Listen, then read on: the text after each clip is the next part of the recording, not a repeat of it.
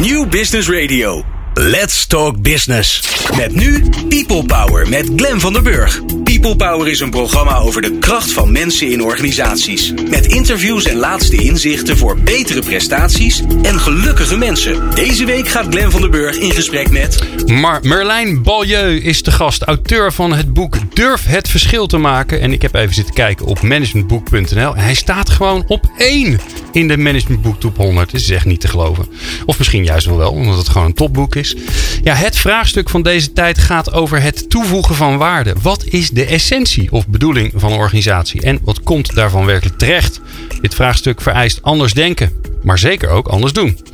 Het vereist een manier van denken, van veranderen die ervan uitgaat dat de mensen de organisatie vormen. En niet het papier of het plan. Nou ja, dat, uh, het zou in de folder van People Power kunnen staan.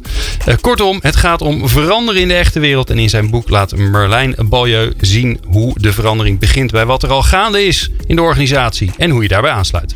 En vandaag praten we met hem over zijn boek. Wil je nou meer luisteren? Abonneer je dan op onze podcast via iTunes.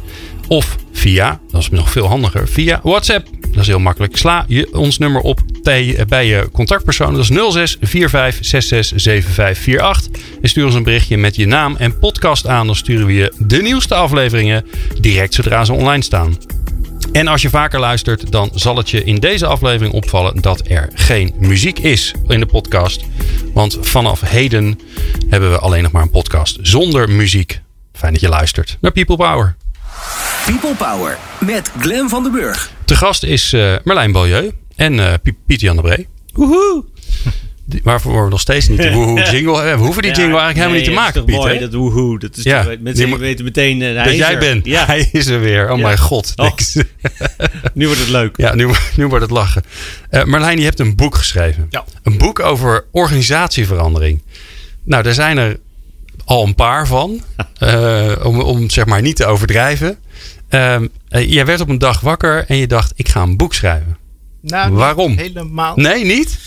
Uh, nou, eigenlijk is het ook wel een beetje toeval. Ik heb uh, een heel mooie organisatie verandertraject gedaan bij een, uh, een, een mbo-school.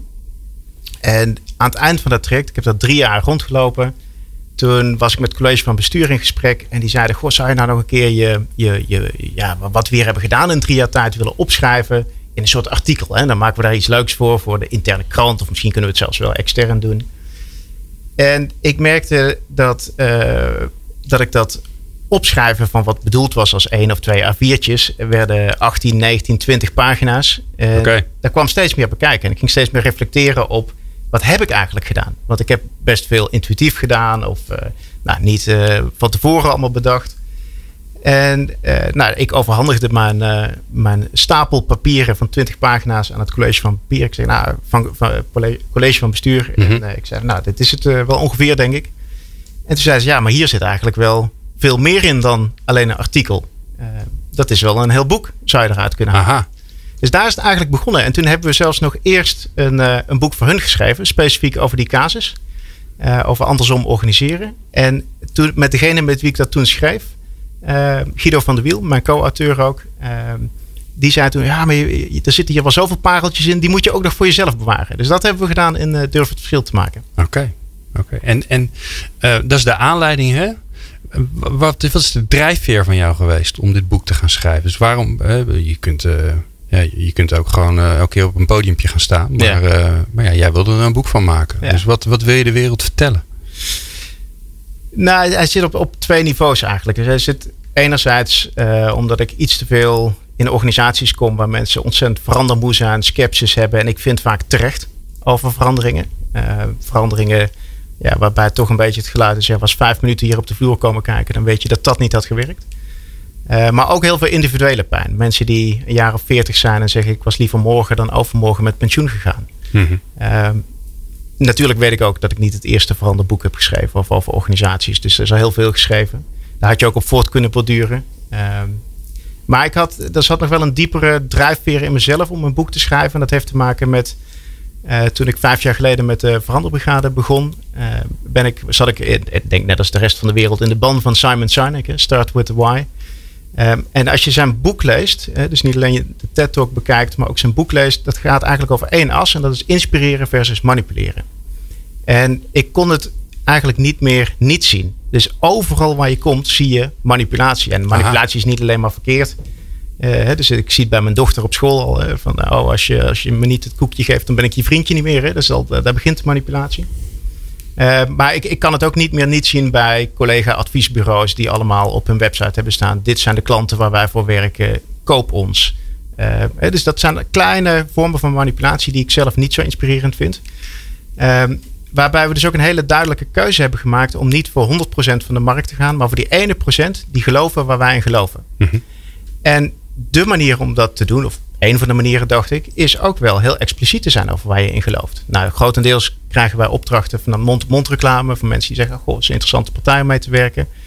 Maar zo'n boek vergroot natuurlijk enorm je bereik eh, als het gaat om het vertellen van waar geloof je in. En wij willen dus ook, we doen principieel niet mee aan aanbestedingen of uh, organisaties dat is vreselijk, Klinkt ook oh. een beetje als manipulatie. Dat je dan ja, ja, waar je hoopt het, daar riekt het wel naar, ja. Ja, dus, dus zo is de cirkel weer rond. ja. ja. Ja, het is een dunne lijn volgens mij, toch? Tussen inspiratie en manipulatie. Dat is het. Ja. ja. En ik merk dat ook bij het. Uh, nou, dat, geen idee waar die precies ligt. Uh, ik denk dat je jezelf dagelijks in de, in de spiegel kunt aankijken en een goed gesprek met jezelf moet voeren. Maar dat vind ik ook in, in aan de slag gaan met organisaties. Dat als je dat op de manier doet uh, zoals wij dat voorstaan, is ook echt heel erg transparant, dan zul je jezelf iedere dag moeten bevragen op je eigen integriteit. Mhm. Dat is ook een, een, een, dunne walking the blade. Uh, dus het is een dunne lijn. Ja, want je kunt blijven veranderen. Als je helemaal ergens bent, dan uh, je kunt je eigen werk creëren als je dat zou Zeker, ja. ja. Dat, dat is echt een aspect. Maar het gaat ook over wat, hoe transparant ben je over wat. Dus wij voeren nu een gesprek. En ik ga vervolgens naar een ander radiostation. En wat vertel ik daar over uh, mijn ervaringen met Glenn? Ja. dus de, de, hoe transparant ben je daarover? Ja.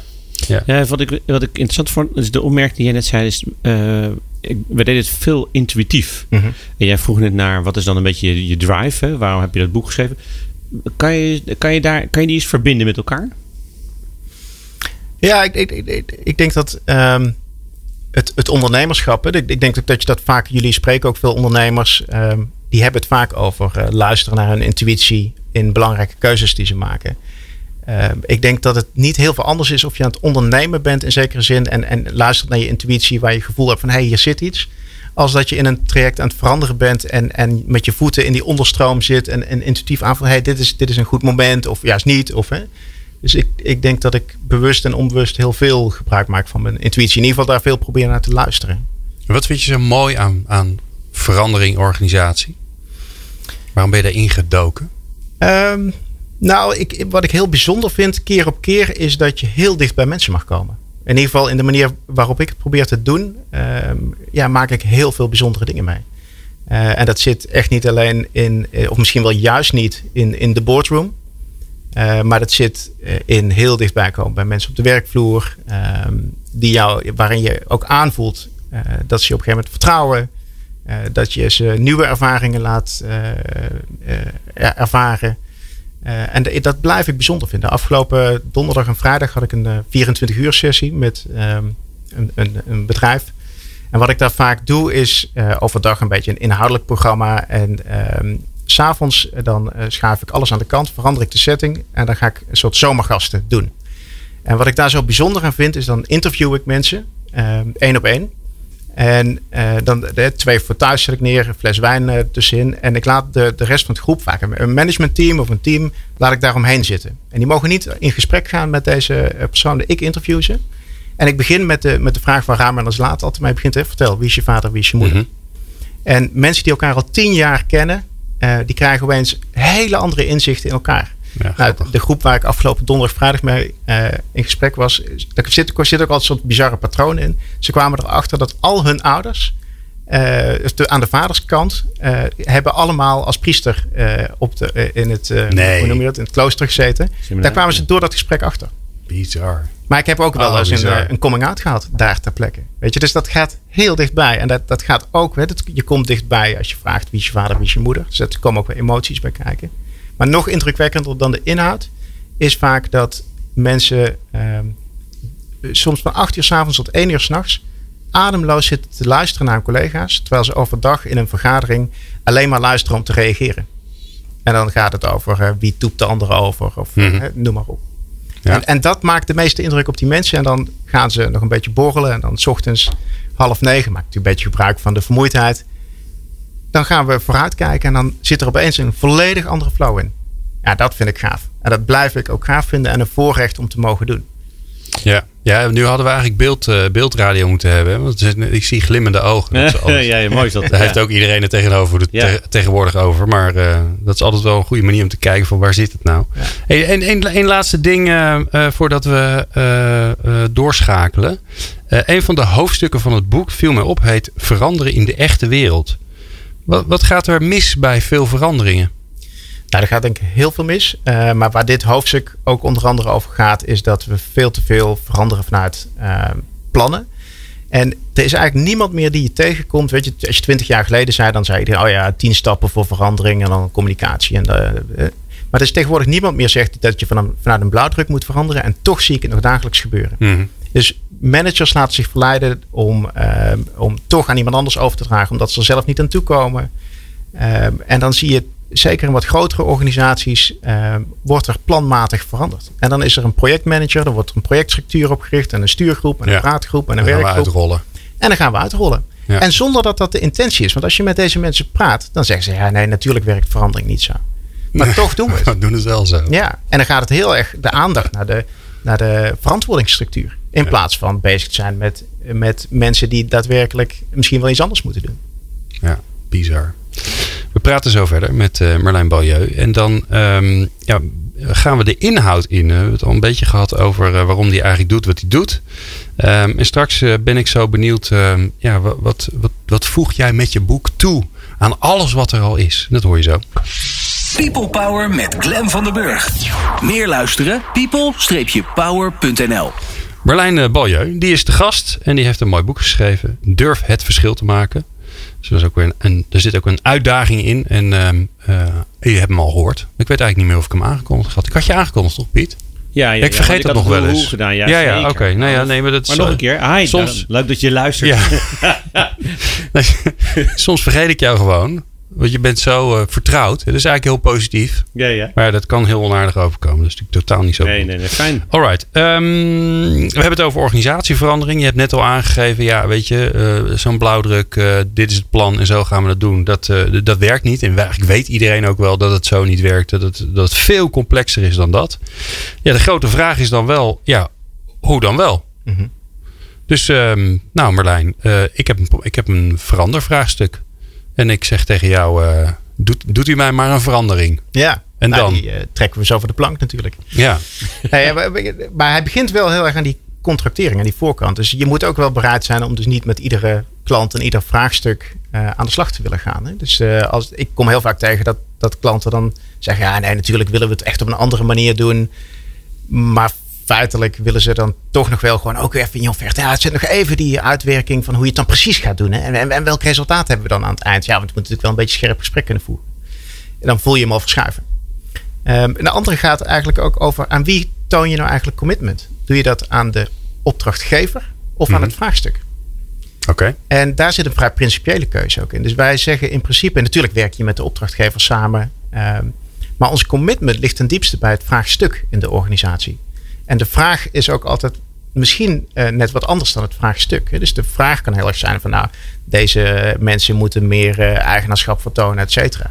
Ja. Maar het vraagstuk kan zijn in deze organisatie misschien wel een roze olifant van een leidinggevende die uh, niet integer handelt. Of mm. die heel erg vanuit een soort dubbele sturing, dubbele moraal werkt. Ja, dan is dat eigenlijk het vraagstuk wat we echt moeten oplossen. Dus daar ligt dan ons commitment. Ja. En hoe ga je daarmee om? Nou ja, uiteraard door daar heel transparant ook met de opdrachtgever over te zijn. Dus je kunt niet zomaar aan iets anders gaan werken. En maar ik hoor je ook zeggen, we gaan eerst kijken wat er eigenlijk aan de hand is. Zeker. Ja, dus, dus daarom eh, zeggen we ook vaak, we, hebben geen, uh, geen blauwdruk, maar wel een aanpak. Hè. Dus je, je start ergens. Ik heb gisteren nog voor een organisatie een, een, een, een aanpak, een startaanpak geschreven. Dus dat is wat we meestal wel hebben. En dat begint heel simpel met uh, vanuit de verschillende invalshoeken die er rondom het vraagstuk zijn uh, gewoon mensen te spreken. En dan begin ik gewoon heel uh, simpel met de vraag: joh, wat gaat hier goed, wat gaat hier minder goed? En van daaruit wordt vanzelf wel duidelijk waar de patronen zitten en waar het echte vraagstuk zit. Dus daar begint toch wel gemiddeld genomen ieder verandering. Oké, okay, dus dat is eigenlijk stap 1. Stap ja. 1 is uh, kijk nou eens wat er echt aan de hand is. Ja, en die analyse maken. En, en wat ik wel vaak daarbij zeg, ook tegen opdrachtgevers. Het is niet zo dat we dan stap 1 een analyse maken aan het eind van stap 1 daarmee terugkomen. Maar voor ons begint de verandering direct. Dus iedere ontmoeting die we hebben is een kans voor een interventie. Is een kans om beweging te creëren. Dus wij zitten ook niet neutraal in zo'n gesprek. Wij weten grofweg wel waar we naartoe willen. Uh, dus in zo'n gesprek uh, spiegelen we ook. Uh, confronteren we mensen. Mm -hmm. Dus het is niet alleen, je zou bijna kunnen zeggen, wetenschappelijke informatie ophalen. Nee, je, gaat niet, je gaat niet met een vragenlijstje nee. naar binnen en vervolgens de antwoorden netjes noteren. Je, Zeker zit, je zit echt in het gesprek. Ja. En als, grappig dat er inderdaad geen, geen, dat er geen beeld bij is. Want wij keken elkaar even veel, veel betekenend aan. Want, want ons werk lijkt natuurlijk in die zin heel erg op elkaar. En uh, wij zeggen ook altijd, ja, en zo'n gesprek is meteen een interventie op zich. Ja, het zet iets in beweging. Absoluut. Enorm. Dus, dat is wat jij, dus dat vind ik wel mooi. Dus wij keken elkaar veel betekenend aan van, ja, ja, mooi om te horen. Ja, ja, ja we zijn het helemaal niet met je eens. nee, nee. voor. Ik moet kritisch blijven. Alright, nou, uh, helder. Je gaat naar binnen, je gaat voelen, kijken wat er aan de hand is. Uh, uh, tegelijkertijd is dat een mogelijkheid om al mensen te beïnvloeden, ja. om, om, om te duwen, te trekken, liefde te geven enzovoorts. Um, en dan? Nou, ik, ik denk een van de dingen die onderschat wordt, is het belang om op alle niveaus tegelijk te schakelen. Dus wat je vaak ziet is dat een, een, een verandertraject uh, gericht is op een bepaald, bepaald onderdeel van de organisatie. Alleen zijn onderdeel is staat nooit op zichzelf. Dus je hebt een, een, een soort systeemwereld waar controllers en, en et cetera uh, invloed uitoefenen. Je hebt een hiërarchische lijn waar vaak leidinggevende invloed uitwerken. Uh, en, en die zijn, hebben allemaal invloed op het primair proces. En stel dat je wordt gevraagd om, ik noem wat, een onderwijsteam om daar te werken aan, het, uh, aan de taakvolwassenheid. Um, als je dat sec met dat team gaat doen, dan zie je heel veel trainers die dan sessies gaan doen en gaan werken. En, en, en, wel met relevante dingen, dus dat wil ik helemaal niet bagatelliseren. Maar als je dat geïsoleerd doet, dan zie je dat mensen heel snel terugvallen in oud gedrag. Omdat leidinggevenden namelijk niet mee veranderen. De systeemwereld verandert niet mee. Dus die blijven gewoon duwen op het oude gedrag. Ja. En dat is al lang ingesleten. Dus daar val je ook weer meteen in terug. Dus dat is, dat is wel een heel belangrijk iets waar wij ja, dus, kijken. dus in dit voorbeeld, hoe dan wel? Nou, hoe dan wel betekent dat, stel dat we een vraag zouden krijgen om te werken aan de taakvolwassenheid van een team, is dat we en de leidinggevende structuur meenemen en de systeemwereld uh, bekijken. En als die niet congruent is met elkaar, dan zitten daar ook onze interventies. Ja. ja dus de, de stuur. De, ik denk een van de nou, fouten, dat klinkt weer meteen zo pretentieus, maar de, uh, de onderschatte kant van verandering is dat we vooral gaan veranderen. En ik ben misschien wel 70% van mijn tijd bezig met de sturing in de organisatie. En daar heb ik mijn focus op. Okay. Want als die niet congruent is, uh, ja, dan, dan hoef je eigenlijk helemaal niet te beginnen aan die verandering. Oké, okay. ja. ja. Ja, en dat is blijkbaar zo het lastige, hè? want je hebt het over het systeem. Hè? Mm -hmm. Nou, dan heb je natuurlijk de leidinggevende en de, en de collega's. Ja. Maar ik kan me ook voorstellen dat je daaromheen is er natuurlijk ook een hele sociale structuur. Ja. Wat doe je daarmee? Je hoeft niet iedereen. Um, ik sprak laatst een gemeentesecretaris en die zei: Ja, maar ik kan toch niet met de hele gemeente met iedereen gaan praten? Ja. Dat hoeft ook helemaal niet. Dus wat je vaak doet in, in, is een soort uh, beweging creëren. Uh, waarbij als je uh, een tijdje daar rondloopt, verschillende mensen spreekt, dichtbij mag komen bij mensen. En je hebt de verschillende invalshoeken in de organisatie, daar ben je mee in gesprek. Die beïnvloeden elkaar wel weer. En het goede nieuws is ook, je hoeft ook niet het alles en iedereen te beïnvloeden. Dus ik zeg vaak, het, het, uh, heel veel verandertrajecten uh, zetten ook heel veel tot stilstand, omdat ze een soort algemene aanpak hebben. Maar uh, als een organisatie bedenkt, goh, we zouden veel proactiever moeten zijn of klant centraal zetten. Er zijn al heel veel mensen in die organisatie. Het goede nieuws is dat die er al lang zijn. er zijn ook een paar mensen die daar misschien nooit zullen komen. Maar het vraagt heel specifiek interveneren. Mm -hmm. Dus het idee dat je iedereen moet bereiken, is wat mij betreft helemaal niet nodig. Maar jij zegt dus eigenlijk ook, hè, uh, want dat zag ik ook terug in je boek. Eén, uh, disqualificeer het verleden niet. Ja. Hè, want als je zegt, we moeten klantvriendelijk worden, dan denkt iedereen, oh, we waren dat dus Precies. blijkbaar niet. Precies. Uh, maar je zegt ook volgens mij, um, je begint niet bij nul. Ja. Dus er is al van alles en nog Ja. wat. Hoe haak je daar nou op aan? Als je een beetje gevoel krijgt bij de organisatie, dan, dan en je spreekt mensen, dan voel je de, de passie. Uh, je voelt waar ze voor staan, uh, wat ze willen ondernemen. Uh, Dus eigenlijk is het eerder eh, bij welke energie moet je aansluiten. Want die is er meestal, eh, eh, ik denk 9 van de 10 mensen die ik spreek, hebben ideeën, hebben energie.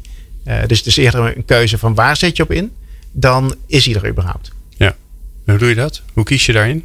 Ja, dan kom je weer op het intuïtieve vraagstuk, denk ik. Dus deels is die rationeel. Eh, de, welke energie zit al in lijn met de beweging eh, die eh, gemaakt wordt. Zien en waarderen waar het dus ook al lang gebeurt. Dus dat gaat over, ja, ook, ook in formele zin aandacht daarvoor hebben. En dat kan gaan via de leidinggevende structuur. Maar kan ook soms gaan over wat ik noem beleid oprollen in plaats van uitrollen. Dus daar waar dingen al lang goed gaan, maak die nou formeel en maak daar beleid van. In plaats van andersom. Aha. Ja, ik zit aan hem Ja, eh, te luisteren. Dat is natuurlijk leuk om te, te zien. Ja, Dat dus komen jij werkt zijn. is ook om vragen te stellen, hè, Piet? Ja, nee, dat snap ik. nou, ik zit te denken. Wat, de, ik haakte nog aan bij iets wat je daarvoor zei. Daar zat ik net eh, aan, eh, aan te denken. Want jij, jij gebruikt het een woord als taakvolwassenheid. Hè? Mhm. Toen dacht ik, ja, maar dat past toch helemaal niet bij een opdracht die jij aanneemt. En ik, en ik had, dus was- dat was één vraag. Dus laten we, die, laten we daarmee Ja. beginnen. Kan je, kan je dat eens toelichten? Want dat Nee, lijkt me nou helemaal geen term Ja, die past in een aanpak die jij ja. voor staat. Eh, wat ik heb gemerkt, ik, ik weet niet of dat antwoord is op je vraag, maar taal ligt heel gevoelig. Ja, En dus ik snap ook heel erg waarom je hierop haakt. En eh, bijvoorbeeld, eh, volgens mij is het Jaap Boonstra die nu ook net een nieuw boek heeft over dat we moeten stoppen met interveneren eh, als term te gebruiken.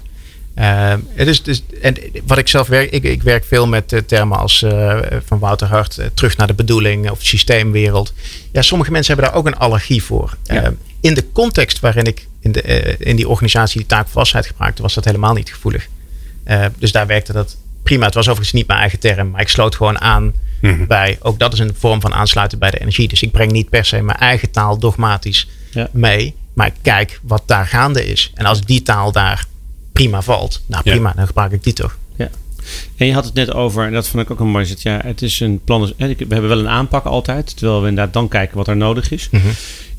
Welke elementen van die aanpak zijn altijd hetzelfde? Ja, ik denk dat er een aantal zijn. Dus die, je zou kunnen zeggen, die startaanpakken. Ja. Die is, die is een soort, ik noem het even de analysefase waarin je gesprekken voert. Ik denk dat die grofweg overal terugkomt. Ehm, het, het aanpassen van de agenda. Dus ik denk, eh, veranderen gaat ook onder andere over... heb je invloed op de agenda van bijvoorbeeld het managementteam? Dat- En dat is niet hetzelfde als reframe, maar je zegt, is daar, hè, wat, hoe zou je die duiden? Letterlijk. Eh, dus eh, een organisatie waar ik veel heb gedaan... eh, daar werd nooit en te nimmer over mensen of leren op de MT-agenda gesproken. Dat ging alleen maar over bedrijfsvoering, Ah, spreadsheets, ik, ja. et cetera. Dus als je die agenda niet verandert, Ja. dan Ja, verandert de focus ook nooit. Nee, nee. Dus dat is ook, dus dat is wat je net bedoelde met misschien wel dat sturing is, is ook de sturing op gedrag. Exact. Precies. Ja. En dat begint bij aandacht. Ja. Hè, Dus als het, het, het ergste wat je kan overkomen, denk ik, als externe veranderaar, maar het geldt ook voor interne veranderaars, is dat die opdrachtgever eigenlijk denkt, nou prima, doe jij die menskant, kan ik gewoon blijven sturen op mijn spreadsheets. Ja. Heb ik dat geregeld? Ja. ja, dus het zijn sturing. Ja, of sterker nog, dan hoef ik helemaal niks te veranderen. Dat is nog Ja, leuker. nou, dat is nog, en, en, jij vooral niet doet. zelf hoeven veranderen. Ja, dus de sturing zit in de communicatie, maar zit dan ook waar je op stuurt. Dat is wat je Absoluut. bedoelt eigenlijk. Dus dat is die Je, agenda. je krijgt waar je op stuurt of waar Ja. je niet op stuurt. Ja, ja. ja dus, dus eh, hoe belangrijk taal is met wat je uitlegt. Dat is extreem dat belangrijk. inderdaad, eh, Ja, en dat is ook wel een manier, vind ik, om aan te sluiten. Ik weet niet of dat een startaanpak is. Of, eh, maar ik heb bijvoorbeeld een keer bij een, een TBS-kliniek mee mogen werken aan een verandering. En dat is een spannende omgeving. En het eerste wat ik altijd doe, is kijken wat is nou de essentie van dit werk hier. Nou, in dat geval is het sociotechniek. En binnen de sociotechniek is het zo dat ehm, eh, mensen moeten fouten maken, anders valt er niks te behandelen. Dus als al die patiënten zich keurig zouden gedragen, dan Ja, valt er ja, eigenlijk niks te, ja. dus dat werd een belangrijk veranderprincipe. Fouten maken is, is een manier om te behandelen. Dus ik, ik pas me aan aan wat daar leidend is. Dus in het onderwijs gaat over een goede docent kan differentiëren. Oké, differentiatie is het uitgangspunt hier. Dus- En, en vaak zie je dat de, ehm, eh, de kern van, de, van het primair proces losgezongen is van het hele eh, eh, management of directietaal ehm, en, en denken. En die probeer ik ook weer bij elkaar te brengen. En daar zit vaak heel veel eh, mooie aanknopingspunten voor verandering. Ja. Mooi. Ja, mooi. Ja, zo hoorde ik ooit een keer een verhaal van, ehm, ehm, volgens mij was het Scania. Die wilde eh, vrachtwagenchauffeurs duurzamer laten rijden. Het ging helemaal mis. Die hadden een heel programma ontwikkeld en die gasten hadden helemaal, ge- hadden helemaal geen zin in. Tot het moment dat ze het gingen reframen. En dat ze zeiden, ja, uh, wat, uh, toen zijn ze ook met, met vrachtwagenchauffeurs gaan praten. En die zijn heel trots op hun werk. Want een goed vrachtwagenchauffeur, die kan dus in een klein straatje met zo'n enorm ding, kan die daarin hè, in, in, in laveren. Um, dus toen hebben ze gezegd, nee, een, een goed vrachtwagenchauffeur, die rijdt duurzaam. Want die weet namelijk hoe die, hoe die rustig moet optrekken. En, uh, dus ze hebben dat verbonden aan het vakmanschap. En toen ging het als een malle. En een competitie. Ja, dus er zit nu een voorbeeld. competitie in, waardoor iedereen Ja. weet, ja, maar inderdaad, dan rij je het zuinigst. Ah, Ja. oké. En dat spaart natuurlijk heel veel brandstof, maar dat is een hele andere ingang om te creëren. Waardoor iedereen zegt, ja, maar ik wil wel op nummer 1 staan, want dan ben ik de zuinigste rijder. Ja. Ja, En dat is echt aansluiten bij de energie Ja. en het Ja. principe Ja. van er is al heel veel in beweging. Dit, is, dit doen ze al. Ja. Je moet het wel zien Ja. en waarderen. Praten zo verder eh, met Marlijn Beaulieu. Eh, maar gaan zo eerst bellen met eh, Sven Romkes. Die is ook weer terug van vakantie om zijn column aan ons mee te geven. En die heeft hem vandaag over de ombudsman. People Power. Inspirerende gesprekken over de kracht van mensen in organisaties. Met Glen van der Burg. En Sven Romkes, want die hangt aan de lijn. eh, nou, een van onze eh, columnisten van het eerste uur. Er zat een kleine pauze in zijn columnistschap. Maar hij is eh, gelukkig alweer een hele tijd terug. En Sven die, ja, die vertelt altijd over, over inclusie. Tenminste, meestal wel. En Meestal wel. Meestal wel, want daar is hij van. Omdat hij daar ABN AMRO in zijn werk mee helpt. Om, om bakken vol met getalenteerde, bijzonder leuke mensen met een beperking naar binnen te, te hengelen. Mhm. En eh, nou, zo nu en dan vertelt hij daar ook wel eens wat over. Maar vooral heeft hij prachtige columns.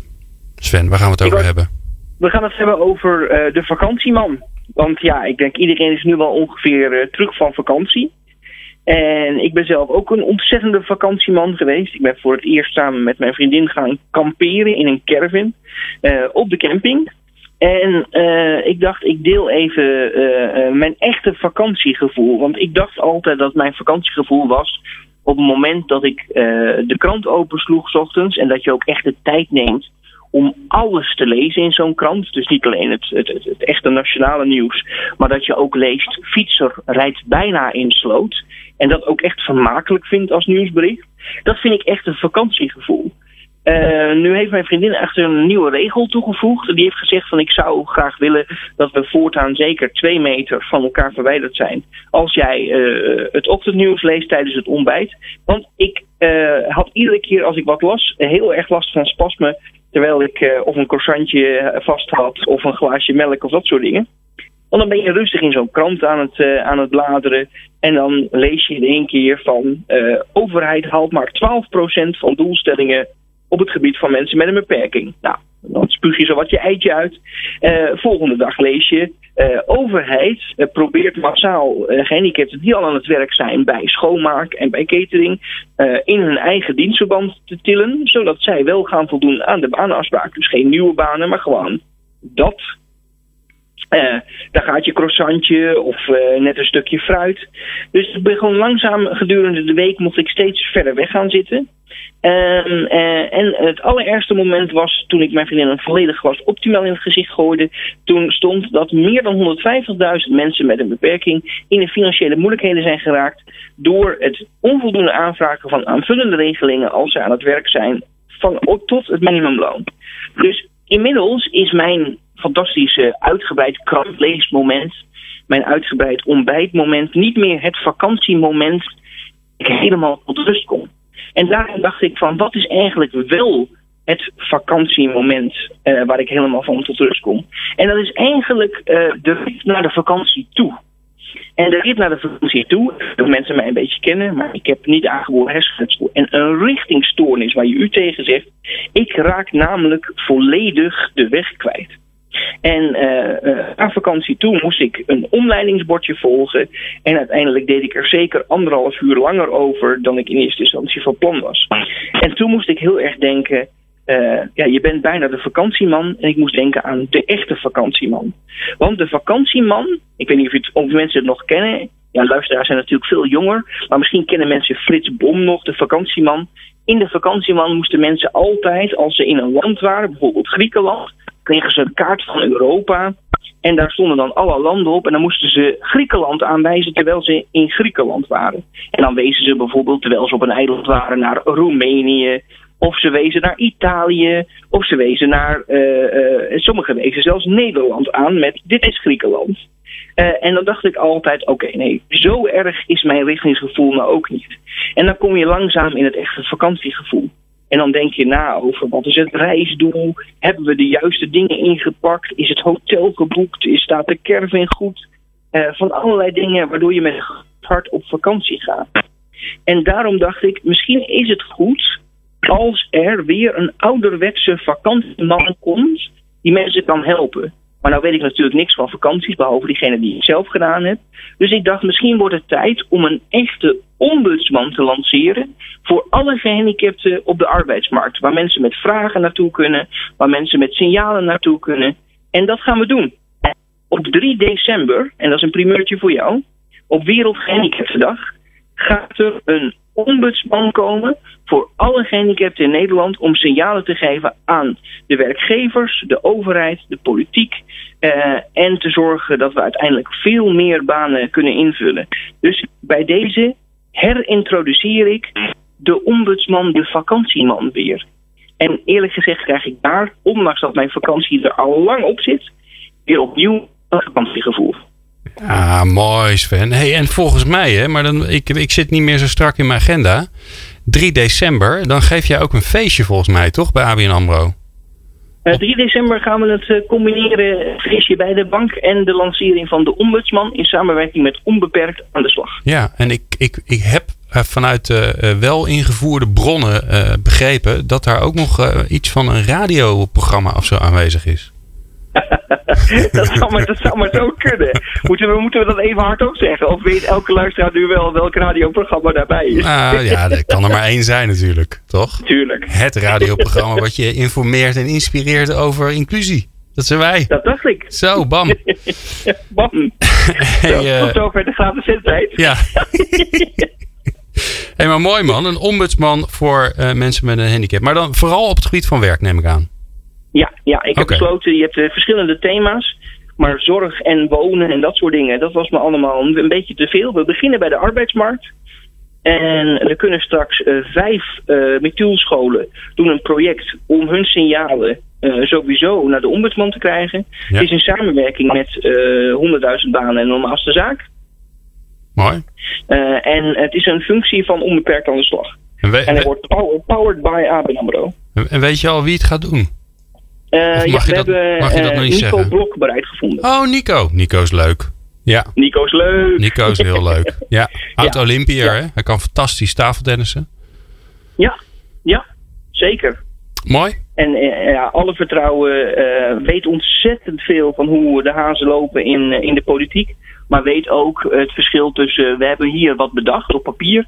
En hoe werkt dat dan in de praktijk? En ik denk dat dat echt uh, een, een, hele fijne kennis is. Uh, waar het hele land uh, zeker twee jaar ontzettend veel aan gaat hebben. Top, hartstikke mooi. En weer, we hebben gewoon weer een primeur. Het is niet te geloven. De ene scoop naar de ander. Ja, man. Ik, ik moest zelfs kiezen welke ik je nu gaf. Ik heb er nog één. Nee, die, die doen we over een maand. Nee, daarom, daarom, daarom. Dus die bewaar ik nog even. Maar die gaat over 3 oktober. Dus ik wil alvast gezegd Oh, dat is best hebben. snel. Ja. Ja, dat is best snel dan. Ja, maar voor die tijd zien we, spreken we je volgens mij wel weer. Sven, dankjewel hè. goed. Bewaren we het hiervoor dan. Joe, hoi hoi. Meepraten, meepraten of meer programma's? people-power.nl Marlijn Beaulieu, die is uh, te gast in de studio. Die heeft een mooi boek geschreven. Durf het verschil te maken. En dat gaat over organisatieverandering. Dus het is niet, niet zozeer gelijk een titel waarvan je denkt... oh, dat gaat over, uh, over organisatieverandering. Uh, dus waarom die titel, Marlijn? Waarom nou juist die titel? Ja, waarom... Want dat leg je natuurlijk enorm de nadruk op. Zeker. En hij heeft ook een uh, dubbele lading. Um, het is overigens, uh, ik, ik, denk wel de derde titel uh, die we gebruikt hebben. we hebben heel lang gewerkt met wachtwoord mens. En daarna hebben we gehad realistisch veranderen in organisaties. Wat nu dus de ondertitel is. Maar durf het verschil te maken was uiteindelijk voor die ons, ja, die, die dekt deels de oproep. Het is, je zei het straks ook al, eigenlijk een beetje een manifest wat we geschreven hebben. Uh, dus het is een oproep omdat we merken dat veel verandertrajecten die wij dus als niet realistisch bestempelen of die eerder sceptisch te werk stellen dan uh, iets vooruitbrengen, dat dat gewoon geen realistische aanpak is. Geen realistische benadering, geen realistische kijk. dus daar kwam ook heel erg die ondertitel vandaan. En het vraagt vaak moed. En dat krijg ik ook als reacties terug uh, van mensen die het boek gelezen hebben. Dat het ze aanmoedigt om te gaan staan voor wat ze denken dat echt werkt. In plaats van ja, toch de comfortstand van een projectmatige verandering. Waarin de baas, het college, de directie heeft geaccordeerd in welke tien stappen ze het gingen uitrollen. Hm. Is, is dat dan ook, hè, want dat eerste woord van je titel, durf, is dat dan eigenlijk ook het belangrijkste wat je nodig hebt? Omdat misschien dat veel dingen die in het boek staan, die zullen herkenbaar zijn. Dat mensen denken, ja, ja, dat is eigenlijk veel beter of slimmer. Mhm. Het nadeel is dat je, je, je, je hebt geen begin en een eind. Er is niet zoiets van doe dit en dan komt het goed. Ja. En dat is wel wat we altijd willen. Ja. Ook al weten we dat het niet werkt. Ja. Nou ja, hopelijk geeft het boek natuurlijk uh, wel wat, uh, wat handvatten, wat zienswijzen die mensen aanmoedigt uh, om die durf te tonen. soms is het ook een inzicht wat je net over de streep kan trekken. Want ik denk dat wel veel mensen het intuïtief weten, of misschien wel expliciet weten, maar dat ze net dat setje nodig hebben. Um, ja, de, vraag die me meteen uit de binnen schoot toen jij daarover vertelde, dat ik kan me voorstellen dat het ook uit je eigen ervaring komt, waar jij zelf want volgens mij is ons werk gaat over mensen en het gaat over veranderen. Dus je, je hebt zelf ook het een en ander, denk ik, aan verandering meegemaakt. Zeker. Waar heb je nou zelf dat lef gehad en het moed gehad, waardoor je weet dat is eigenlijk wat er nodig is?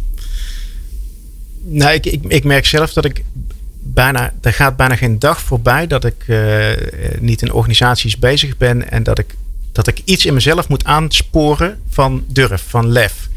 En soms zit dat in het hele kleine. Durf je die vraag te stellen? Durf je zo dichtbij te komen? Uh, durf je nee te zeggen tegen, uh, dus waar we het er straks over hadden, van heb je nou commitment op het vraagstuk of de vraag? Dat zijn allemaal dingen waar ik bij mezelf lef moet aanboren en waar, ik het ook spannend vind, soms om dat te doen. Uh, dus dat went ook niet. En misschien is dat maar goed ook. Maar um, ja, en, ik denk dat gevoel hè, van op het scherpst van de snede, misschien dat mensen die in organisaties zitten, uh, nou, daar wat, wat inspiratie uit opdoen om dat, om dat ook wat meer op te zoeken. Hmm. Want je bent daar ook transparant over. In, dat, in dat opzicht. Wanneer je het zelf spannend vindt en eng. Ja, en, ik gebruik het ook soms. Hè. Dus ja, komt uh, manipuleren weer een beetje voorbij. Maar uh, ik gebruik het ook, ja. Zeker. Ook omdat ik denk, maar iedereen ziet het. Alleen het wordt niet besproken. Dus de oproep is het manifest voor inderdaad herken het. En, en, en uh, ga doen eigenlijk. Want het is een soort wilsbeschikking die je hebt. Hè? Het is de, de, keuze die je hebt om naar links of rechts te gaan. En kies dan niet voor veilig, maar kiest voor je intuïtie eigenlijk, ja. wat je zegt, en je gevoel. Ja, ik kreeg gisteren ook een reactie van iemand op LinkedIn en die zei ook: um, bedankt voor je boek. Er staat veel meer in dan je schrijft. Ja, dus daar, heb je ook dat gevoel een beetje dat het mensen weet te raken. Ja, dat, dat is ook wel kippenvel momentje. Dat is, uh, dat is hm. wel heel gaaf. Ja, zeker. Maar er zit ook een letterlijke betekenis in. Hè? Dus het, het het verschil te maken, meer met de nadruk op het verschil maken, is niet alleen de oproep, maar gaat ook over waar we eigenlijk meestal het fout zien gaan in verandertrajecten, waarin we, uh, je ziet dat mensen algemene oplossingen bedenken voor specifieke problemen. dus dan is er ergens een, een, uh, een, een, probleem in de organisatie en dan gaan ze weer prutsen aan de hark. Gaan ze weer een nieuw model tekenen. Uh, en het, het, het, nou, we hadden het straks al even over. Je moet ook durven om te zien waar het al goed gaat. Dus als, er al, uh, dat, als dat een gegeven is, dat je, je wil ergens naartoe en je weet dat een, een deel van de organisatie daar al lang is, durf dan ook die mensen specifiek aan te pakken die daar misschien nooit gaan komen, uh, maar durf te gaan staan voor de mensen die het al lang doen. Ik vind het ook wel mooi dat je daarmee ook recht doet aan in en out of the box. Want er is natuurlijk eigenlijk heel vaak een pleidooi voor out of the box. Maar dat is niet wat jij zegt. Want dat is alleen maar als het nodig is. Hè? Dat is een beetje het lefdoel. Maar het is in de box. Als het inderdaad waar gaat het goed. Meer van doen. Dat, en dat is helemaal niet out of the box. Het is gewoon inderdaad dat doen wat er nodig is op dat moment. En dan vraag je ook niet uh, andere en moeilijke dingen van mensen. Precies. Anders moet het altijd maar anders. En dat is natuurlijk ook de mensen die hebben daar de connotatie bij. Van ja, uh, veranderen is weer is anders doen. Ja. En dat is, dat is wat je eigenlijk een pleidooi ja, voor hebt. Ik denk dat 90% wel in de box is. En, en ik geloof ook in duurzaamheid voor in de box, omdat die box is niet van iets die box. Die is daar in de, hè, die is bijna geëvalueerd, die hmm. box. Dus als je gaat zeggen, oh, de oplossing is een nieuwe box. Ja, zo werkt dat niet in het sociale systeem, maar ook niet in het construct vaak van zo'n organisatie. Het voelt, ik kan me ook voorstellen dat het heel onveilig voelt voor mensen. Ze denken, ja, out of the box vond hij wel Weer leuk. out of the box, ja. ja. Zit hij zo lekker? Ja. ja. Hè? In mijn comfortzone. Ja. Veranderen, verbeteren. Hey Marlijn, uh, we gaan naar het einde van het uur. Um, nou ja, in zo'n uur kan je natuurlijk niet alles bespreken wat er in een boek staat. Want dat zijn niet voor niks 256 eh, pagina's. Goedemorgen zeg. Gewoon een bak, bak letters. ja, ja. Um, wat wil je mensen nog meegeven? een soort trigger waarvan ze denken: oh ja, nee, maar daar, daar wil ik, daar wil ik nog meer. Dat is leuk, maar daar wil ik nog meer van weten. Ja. Ja, wat staat, er, wat staat er in het boek wat nu niet besproken is? Ja. Want dat is een beetje, hè, er staat nog Ja, meer in dan niet. Zeker. Nou, het eerste wat in me opkomt is de absolute onderschatte waarde van bijvangst. Ehm, op het moment dat je ehm, heel erg gefocust bent op je pro- projectmatige eh, verandering, dan zie je vaak dat alles daarop gericht is en dat mensen ook oogkleppen op hebben. Dus je zijn alleen nog maar gericht op zie ik mijn cijfertjes de goede kant op gaan, de percentages, et cetera. Heb ik het aantal bijeenkomsten afgevinkt? Broodje verandering hoor ik van dan voorbij komen. Ehm, ja, maar als je aansluit, weet te sluiten bij die energie van waar die al lang is. Ehm, eh, laat ik het eh, illustreren met een kort voorbeeld. Ik was een keer bij een, een, een docent en die wilde een schoolkrant. En dat had helemaal niks te maken met die hele verandering waar we mee bezig waren. Eh, maar die, die was daar gepassioneerd over. En ik zeg, joh, wat heb je daarvan nodig? Ja, zegt hij, eh, een budget ging echt over een paar duizend euro. En, ehm, en ik zei, ik, ik, ik, ik wilde, omdat hij het al lang echt heel goed deed, wilde ik dat honoreren. Dus ik ben naar de directeur gegaan. Ik zeg, ik wil dat je blind tekent voor dit onderdeel. Nou, dat doe je niet op de eerste dag. Maar als je het vertrouwen hebt, die directeur die tekende blind. Vond hij wel een interessant experiment. De bijvangst was dat die man vervolgens voor zijn schoolkrant met de hele locatie in gesprek ging over wat de essentie van hun onderwijs was. Hmm. Dus de bijvangst was vele malen groter dan de hoofdvangst. En ik denk dat, dat als, je daar, als je dus niet blind staart op je projectmatige verandering, dat je versteld zult staan hoeveel bijvangst er dagelijks voorbij komt. En je moet hem wel zien. En ik denk dat dat eh, eh, misschien wel de, de, de belangrijkste. En het is, is maar een klein detail in het boek, maar het- ik vind dat dat een van de meest onderschatte dingen is. Ik voel een volgend boek aankomen. Bijvangst. Bij- de ja. waarde van bijvangst. Ja, de waarde van bijvangst. Ik moet een soort alliteratie in. Ja. Bij, bijvangst. Bijzondere bijvangst. Ik hoop dat Guido van der kom Wiel er meeluistert. Ja, Ja. ja. Guido, we verzinnen nog wel een naam Ja. later.